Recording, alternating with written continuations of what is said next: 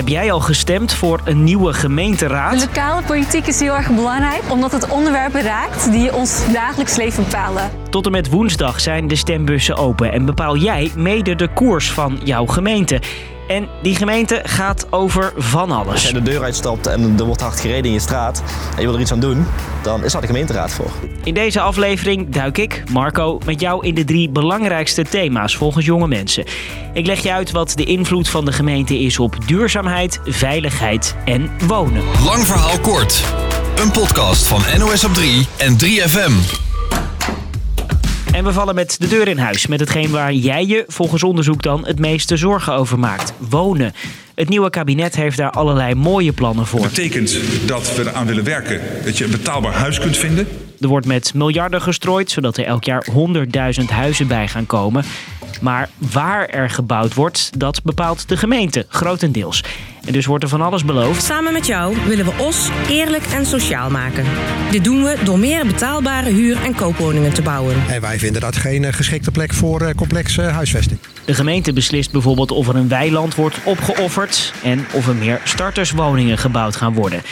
Weet deze vriendengroep uit Sleen in Drenthe alles van. Jesme heeft één mailtje gestuurd met uh, nou ja, dat we hier graag willen blijven wonen. Daar werd echt direct op gereageerd. Die hebben ons eigenlijk vanaf moment één gelijk uh, super opgepakt. Deze vrienden kunnen nu dankzij de gemeente op een weiland hun nieuwe paleisje bouwen.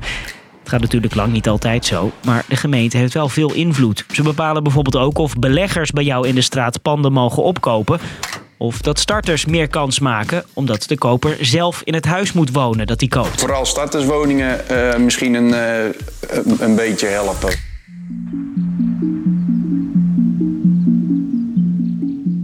Als die huizen er staan, is duurzaamheid een volgend groot thema voor gemeentes. Windmolens, zonnepanelen, gasloze huizen. Er zijn plannen genoeg. Onze wens voor Wassenaar is om samen, stapje voor stapje, te verduurzamen. De CDA is ervoor dat op alle huurwoningen zonnepanelen komen. In Den Haag bepaalt de landelijke politiek de grote lijnen. Wanneer moet ons land energie-neutraal zijn? Hoeveel geld is daarvoor beschikbaar? Gemeentes kijken dan naar hoe dat moet gebeuren. Ze werken samen met andere gemeentes en bepalen zo bijvoorbeeld waar windmolens komen. Ja, dit is de herrie van de windmolen. Dus dit is het geluid wat je straks hoort. Uh... Nederland is vol, dus moeten ze maar bij, uh, bij woonhuizen. Ja, daar zijn wij het gewoon niet mee eens. En of er weilanden vol met zonnepanelen worden gezet. Of er subsidie komt om je huis duurzamer te maken. Het is natuurlijk een heel bedrag en ik geloof best dat het niet voor iedereen weggelegd is. En wat ook een belangrijk thema is, zeker nu met de oorlog van Rusland in Oekraïne, gas. Gemeentes zijn bezig om hele wijken van het aardgas te halen en de huizen anders te verwarmen.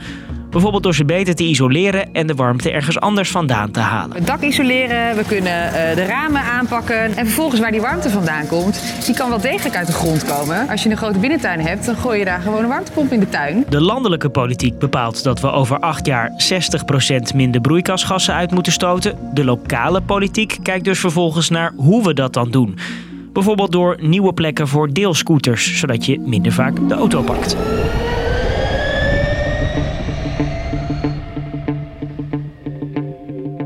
Het laatste thema, veiligheid. Daar valt heel veel onder. Van veilige oversteekplekken voor fietsers tot drugshandel tegengaan en hangjongeren een goed alternatief geven.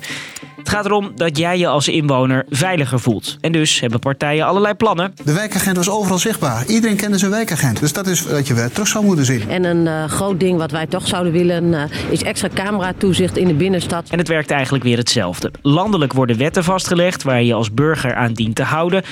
Zoals een maximumsnelheid en je stilt andermans spullen niet.